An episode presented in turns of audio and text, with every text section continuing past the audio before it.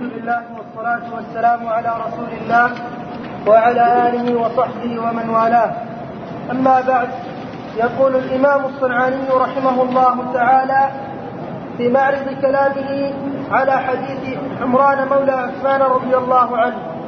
يقول قوله ثم غسل رجله اليمنى إلى الكعبين ثلاث مرات الكلام في ذلك كما تقدم في يده اليمنى إلى المرفق إلا أن المرافق قد اتفق, قد اتفق على مسماها بخلاف الكعبين فوقع في المراد بهما هنا خلاف.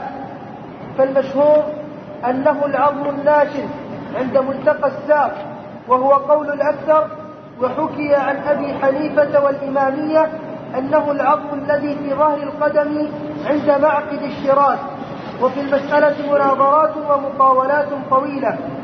قال في الشرح ومن أوضح الأدلة أي على ما قاله الجمهور حديث النعمان حديث النعمان بن بشير رضي الله عنه في صفة الصف في الصلاة فرأيت الرجل منا يلزق كعبه بكعب صاحبه. يقول قلت ولا يخفى أنه لا أنهضية فيه لأن المخالف يقول أنا أسميه كعبا ولا أخالفك فيه لكني أقول إنه غير المراد في آية الوضوء إذ الكعب يطلق على الناشز وعلى ما في ظهر القدم.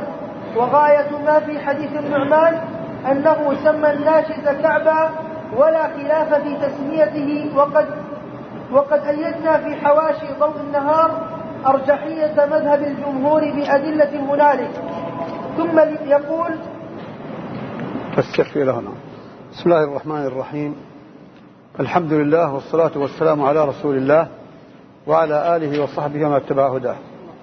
وبعد فقد شرح المؤلف رحمه الله تعالى حديث عثمان في الوضوء الذي هو أهم الأحاديث وهو ما شابهه مما يشاركه في وصف وضوء رسول الله صلى الله عليه وسلم وأنه يغسل أعضاءه ثلاثا ثلاثا عليه الصلاة والسلام ما عدا الرأس فإنها مسحها مرة واحدة على الراجح. شرح ما يتعلق بالمضمضة والاستنشاق وغسل اليدين إلى المرفقين وبين ما هما المرفقان وهل هما يدخلان كما تقدم يدخلان في ما بعد إلى وهو الغاية أو لا يدخلان والصواب كما بينت السنة والقرائن أن المرفقين يدخلان في غسل اليدين ويشملهما وجوب يعني غسل اليدين. ثم بعد ذلك انتهى إلى وصل إلى هنا ثم غسل رجليه إلى الكعبين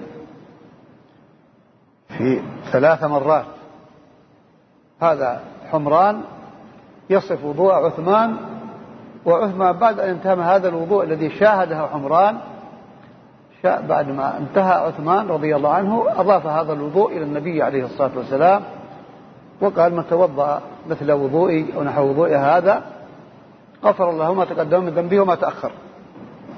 فقوله ثم غسل رجليه إلى الكعبين هنا الوصف لوضوء عثمان. لكن ينتهي بإضافة عثمان هذا الوضوء إلى النبي صلى الله عليه وسلم. قال الشارح الكلام في ذلك كما تقدم في يده اليمنى إلى المرفق. تكلم هل ما بعد إلى يدخل في اليدين كالمرفقين أو لا يدخل وألحق اليسرى بذلك بعد أن رجح أن المرفقين يدخلون في الوضوء؟ الكلام فيها كذلك.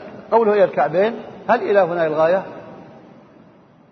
وهل يعني ما بعدها أو هي بمعنى مع إلى بمعنى مع أو للغاية والغاية لا تدخل في المغية أو لا الصحيح أن إلى هنا بمعنى مع ويقتضي ذلك أن المرفقين تدخل فما بعد إلى يدخل في المغية وله حكمه في وجوب الوضوء في الرجلين إلى الكعبين وفي اليدين إلى المرفقين. إلا أن المرفق. هناك اتفقوا على المرفقين. ما في خلاف في المرفق في المرافق. يعني في مسمى المرفقين ما هما فبالإجماع أن المرفقين هما المفصل هذا ما بين العضد و والساعد أما الكعبين فيقول فيهما خلاف. لكن هذا والله أعلم هذا الخلاف لا يعبى به ولا قيمة له. أبدا. لأن أنا رجعت إلى مجمع بحار الأنوار في اللغة لأنه يشرح مفردات الحديث ومفردات القرآن وهو من الأحناف. ونسب هذا إلى إلى من؟ إلى الشيعة فقط. إلى الشيعة فقط. المشهور والموجود عند المسلمين أن الكعبين هما الكعبان المعروفان. العظمان البارزان ناتئان يعني من جهة القدم اليمنى واليسرى ما فوق والمفصل أو ملتقى يعني القدم بالساق. هما ملتقى القدم بالساق وهما الأضمان الناشزان يعرفهما العلماء ويعرفهما العوام. لا يعرفهم من الكعبين إلا هذه. وذهب الشيعة إلى أن يعني ال ال الكعبان هما المشطان يسمى المشط في اللغة. يعني عند معقد الشراك في ظهر القدم. عندهم الكعبان العظمان اللذان يقعان في ظهر القدم. وقل من يطلق على هذه أنهما أنهما كعبان. وقل من يعرف هذا. وإذا رجعت إلى كتب اللغة في الغالب ما تريد بالكعبين إلا هذين. ونسب هذا الرجل كما ذكرت لكم هذا إلى الشيعة. إلى الشيعة. وإحنا رجعنا إلى كتب الأحناف. ما وجدنا هذا الرأي. رجعنا إلى الاختلافات عند كتاب الطحاوي اختلاف العلماء. ما وجدنا أشار إلى هذا المذهب. رجعنا إلى بعض الشروح لهم. ما وجدنا هذا الكلام. قد يوجد. وجدنا في المغني أنه ينسب هذا الرأي إلى محمد بن الحسن. من الحنفية. لا إلى أبي حنيفة ولا إلى الأحناف. إنما نسبه إلى محمد بن الحسن فالله أعلم يثبت أو لا يثبت إلى محمد بن الحسن وعلى فرض ثبوته هو خطأ.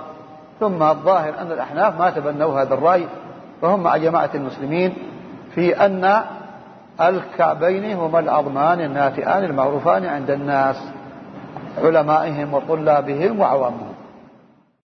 يؤكد هذا يعني أنه إذا أطلق في الأرض نصل إلى هذا. لما قال يعني النعمان بن بشير فكنا نرزق الكعبة بالكعب والمنكب بالمنكب. ماذا يفهم الناس من هذا؟ هم الكعبين المعروفين عند الناس. وإذا قال الله آه وأصلوا أرجلكم إلى الكعبين. لا يتبادل إلى أذهان الناس إلا الكعبين المعروفين. وهما العظمان البارزان عند ملتقى الساق والقدم. وهذا يذكرني بسنة عظيمة في الصلاة وهو أنه يجب على المصلين أن يصووا الصفوف وأن يسد يسدوا الخلل وأن يفعلوا كما فعل أصحاب رسول الله تنفيذا لتوجيهات الرسول الكريم عليه الصلاة والسلام. فهم لما قال لهم رسول الله لتسون صفوفكم أو لا يخالفن الله بين وجوهكم يعني حملوا هما كبيرا لهذا الأمر. وجدوا في تطبيق هذا الأمر خلاصا من هذا الوعيد الذي توعدهم به رسول الله عليه الصلاة والسلام. لتسون صفوفكم أو ليخالفن الله بين وجوهكم. هم طبعا يرغبون في الوعد ويسعون جادين في تنفيذه في الحصول عليه وكسبه ونيله من الله تبارك وتعالى وما يترتب عليه من الثواب ويخافون ويفرون من الوعيد يعني أشد الخوف ويسعون في الخلاص منه فهم للخلاص من هذا الوعيد نفذوا توجيهات الرسول فكانوا يلصقون الكعاب بالكعاب والمناكب بالمناكب. والرسول يقول سدوا الخلل ولا تدعوا فرجات للشيطان. فإذا كان يقول لهم أن الخلل بين الرجل وأخيه في الصلاة يحتله الشيطان. أنت لا تترك الشيطان فرجة خلي الصق يعني كعبه وكعب أخيكم حتى يدخل الشيطان. لا تفسح المجال للشيطان؟ لهذا العدو الذي لا يريد بك إلا الشر ولا يريد بك إلا السوء. يريد أن يفسد إليك صلاتك يفسد صلاة المصلين أو ينقصها على القلب. ثم يبث في نفوس الناس أسباب الفرقة أسباب الفرقة والخلاف. يفصلن صفوفكم ولا يخلوا الله بين وجوهكم معناه وقوع الاختلافات. والفتن إلى سفك الدماء إلى الخلاف في العقائد إلى الخلاف في المناهج إلى الخلاف في كل في أعظم أمور الدين. أي حياة هذه؟ لماذا ما نسعى في سد كل ثغرة ينفذ منها الشيطان سواء هذه الثغرات في الصلاة أو في غيرها من الأفكار والاتجاهات والمواقف وما شابه ذلك. فيجعل المسلمين في سد كل ثغرة ينفذ منها شياطين الجن وشياطين الإنس. لتجتمع كلمة المسلمين وليحققوا قول الله تبارك وتعالى واعتصموا بحبل الله جميعا ولا تفرقوا.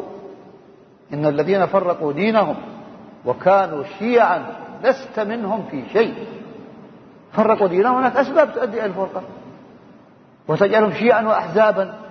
وكل حزب ما يفرحون هي هذه من أهم الأسباب. من أهم الأسباب.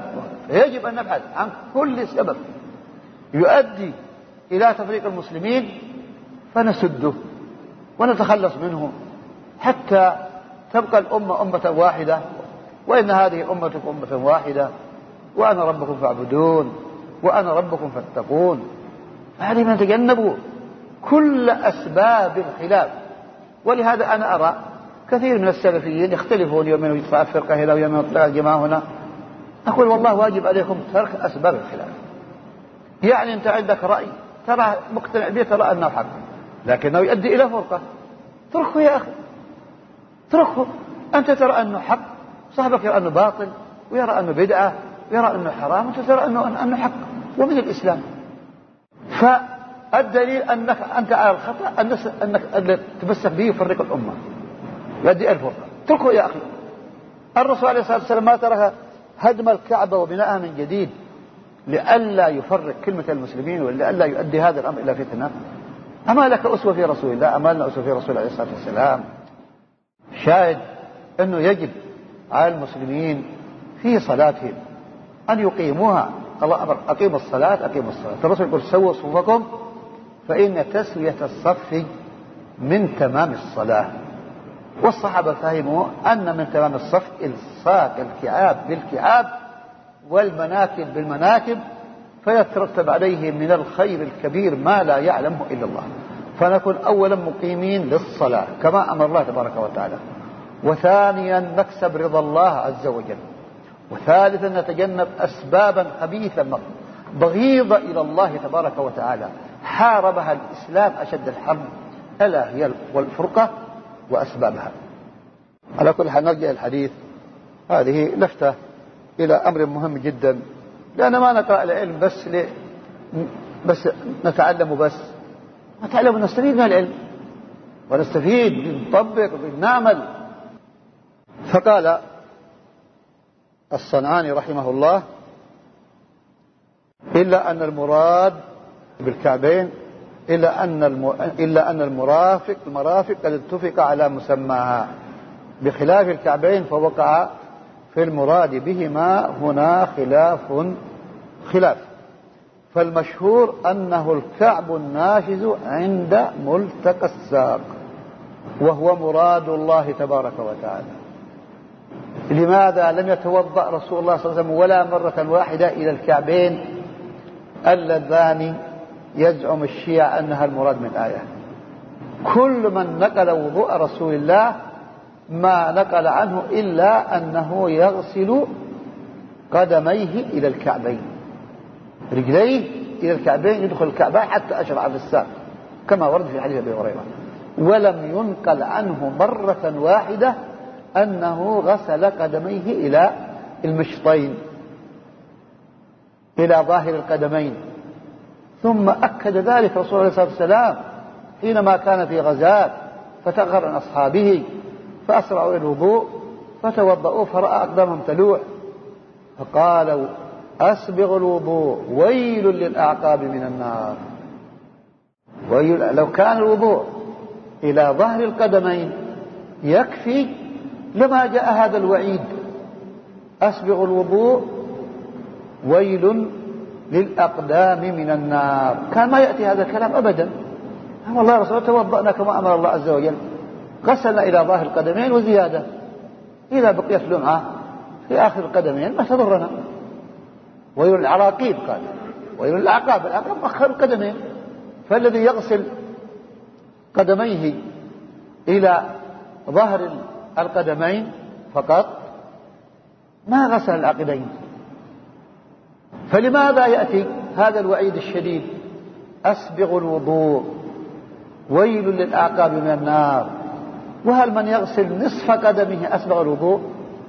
وهل من يمسح على ظهر قدمه أسبغ الوضوء؟ هذا يدخل في قوله صلى الله عليه وسلم ويل للأعقاب من النار.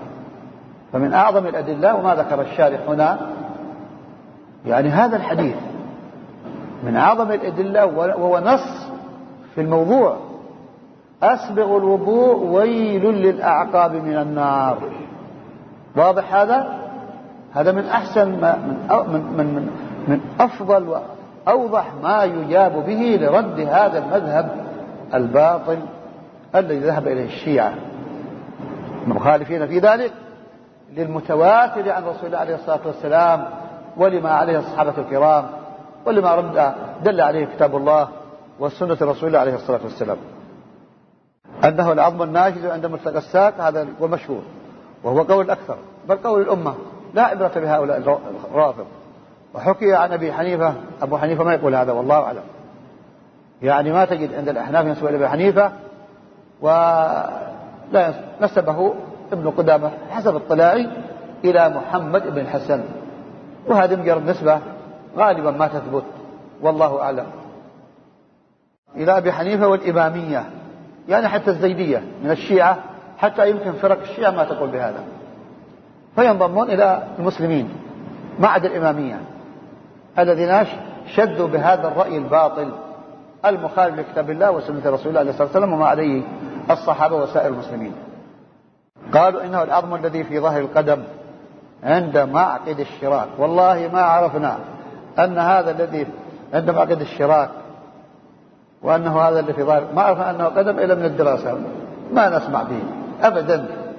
من يعرف هذا عند المسلمين؟ المسلمون لا يعرفون أن القدمين إلا هذه. من الحيوانات ومن البشر. شعاب هذه الكعبين. لا يعرفون الكعبين إلا هذه. من الحيوانات ومن الناس. الكعبين طيب في في في الحيوانات فين تأتي؟ فين تأتي؟ لها قدمين تأتي في ظهرها؟ كلام فارغ هذا. الشيخ؟ نعم. معلوم ما كمل الوضوء ثم يصلي أنا ليس لديه صلاة. فماذا يقال الآن؟ في عوام الشيعة؟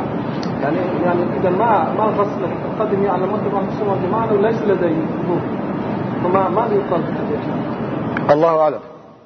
أنا في نظري أن وضوءهم باطل وصلاتهم باطلة.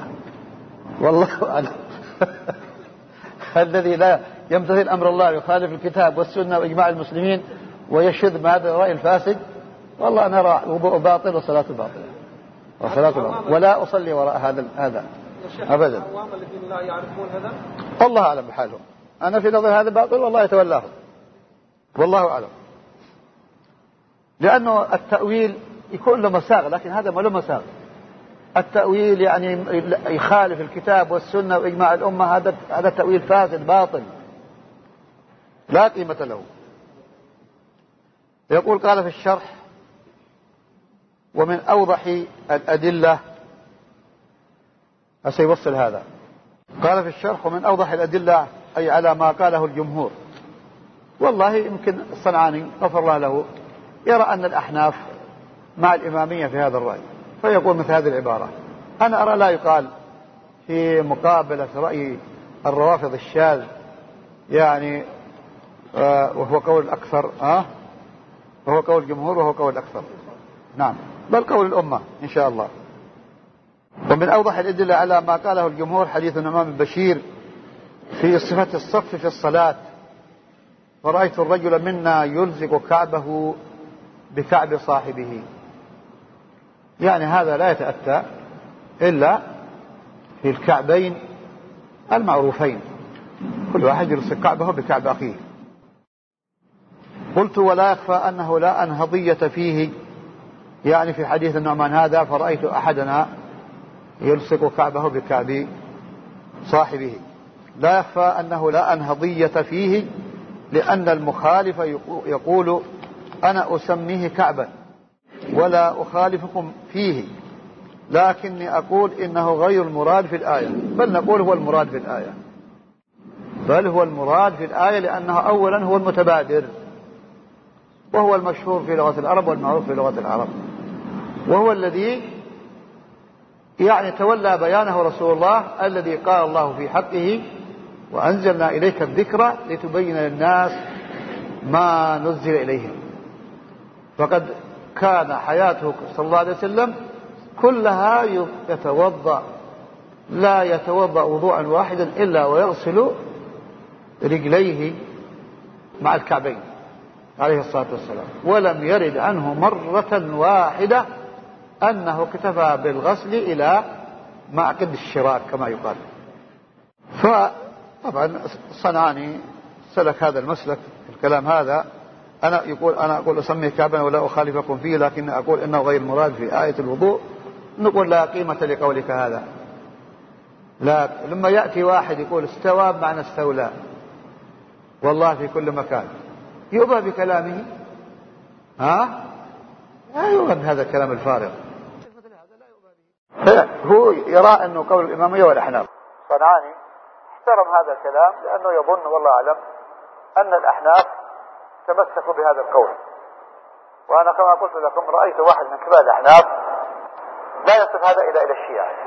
ورجعنا إلى بعض شروحهم في الحديث فما رأينا يتبعون هذا الرأي. رجعنا إلى كتب الخلاف كتاب اختلاف العلماء بطحاوي ما وجدنا هذا ينسب إلى الأحناف. فالله أعلم يجوز أنه يعني يوجد بعض كتب الأحناف ما أدري. لكن الغالب على ظني أنهم ما تبنوا هذا قولا ولا عملا. أما الشيعة فتبنوا هذا وعملا ما أدري لا يرون مسح الخفين متواتر.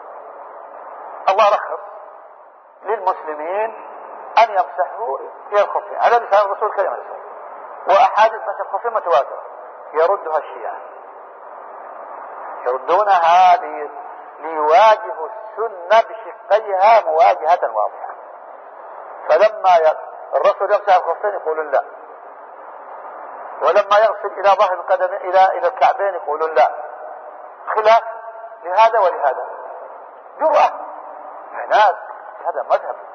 الروافض تسس على الزندقة وعلى مخالفة الإسلام والعياذ بالله. فهم عندهم خلافات فظيعة جدا في العبادات وفي العقائد وغيرها. هم يتعمدون الخلاف. يتعمدون الخلاف والتلاعب بالدين.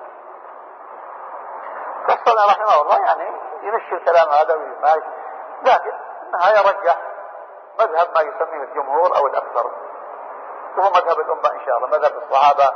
ما من الصحابة توضأ هذا الوضوء؟ متى توضأ رسول هذا الوضوء؟ من من التابعين توضأ هذا الوضوء؟ هذا ما يوجد عند هؤلاء الصفار حتى ما كان ينبغي أن يناقش. الكعب يطلق على الناجز وعلى ما ظهر على وعلى ما في ظهر القدم. وغاية ما في حديث النعمان أنه سمى الناجز كعبا ولا خلاف في تسميته. ولا خلاف في تسميته ونقول أنه هو المراد. ونقسم بالله أنه هو المراد. لأن الرسول المبين ما توضأ إلا هذا الوضوء. يغسل الكعبين. يغسل الكعبين مع قدميه عليه الصلاة والسلام. في النهاية يقول وقد أيدنا في حواشي ضوء النهار أرجحية مذهب الجمهور بأدلة هناك. رحمه الله. هذا الكتاب أنا ما رأيته وأتمناه وهذا المحقق يعني أشار إلى وجوده كأنه مطبوع والله أعلم. يقول هذا الكلام يعني في واحد من من ضوء النهار آه، صفحة 208 وضوء النهار هذا فيما أعرف أنه للمقبولي المقبولي اليمني. كان زيديا معتزليا فخرج عن الزيدية والاعتزال لكنه بقي يتخبط. لا زيدي ولا شافعي ولا مالكي ولا حنفي ولا مناهي الحديث ولا ولا بقي يتخبط هكذا مسكين. يعني أخذ بحرية الرأي فانطلق هكذا. لا يبي على شيء. أحيانا يسب أهل السنة أحيانا يسب أحمد بن حنبل أحيانا في ابن تيمية وهكذا ضايع مسكين. يعني ما أحد قرأ يعني له كتاب. العالم الشامخ؟ وكتاب ثاني. كتاب ثاني حققه أحد علماء هذا اللي كان حكم اليمن سابقا. لعل العالم هذا اللي كان رئيس الجمهورية. ها؟ رئيس الجمهورية السابق اللي عالم عالم علماء الزيدية ورئيس ترأس الحكومة الجمهورية اليمنية. لا يا شيخ. الحمدي لا ولا الحمدي يا شيخ هذا بعد الح... قبل الحمدي بدري بعده. يا شيخ الله يهديكم. عالم دول مو علماء. هداكم الله. ها؟ هذا اللي راح سوريا. راح اللاذقية أقام فيها حقق بعض كتب المقبلي وغيرها كتب السنة. الإرياني الإرياني الله يهديكم. الإرياني. الإرياني. الإرياني. حقق كتاب له اسمه المقتفى بدي اسمه. حقق هذا الكتاب. وله إيثار الحق على الخلق. لا إيثار الحق لابن الوزير. اسمه؟ العلم الشامل. وفي كلام طيب ولا خابط لا أول ولا آخر. لا ماسك مذهب معتزلة ولا مذهب أهل السنة ولا ما له شيء يثبت عليه. فالله له.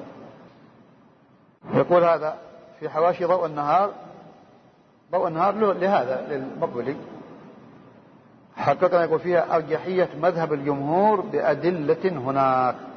الله أعلم ما رأينا هذا الكتاب لكن يعني منها يعني ما ذكرناه لكم. من هذا الحديث. منها ذكر يعني ابن خزيمة حديثا في صحيحه عن أحد الصحابة أنه رأى النبي عليه الصلاة والسلام رأى النبي عليه الصلاة والسلام في في ذي المجاز.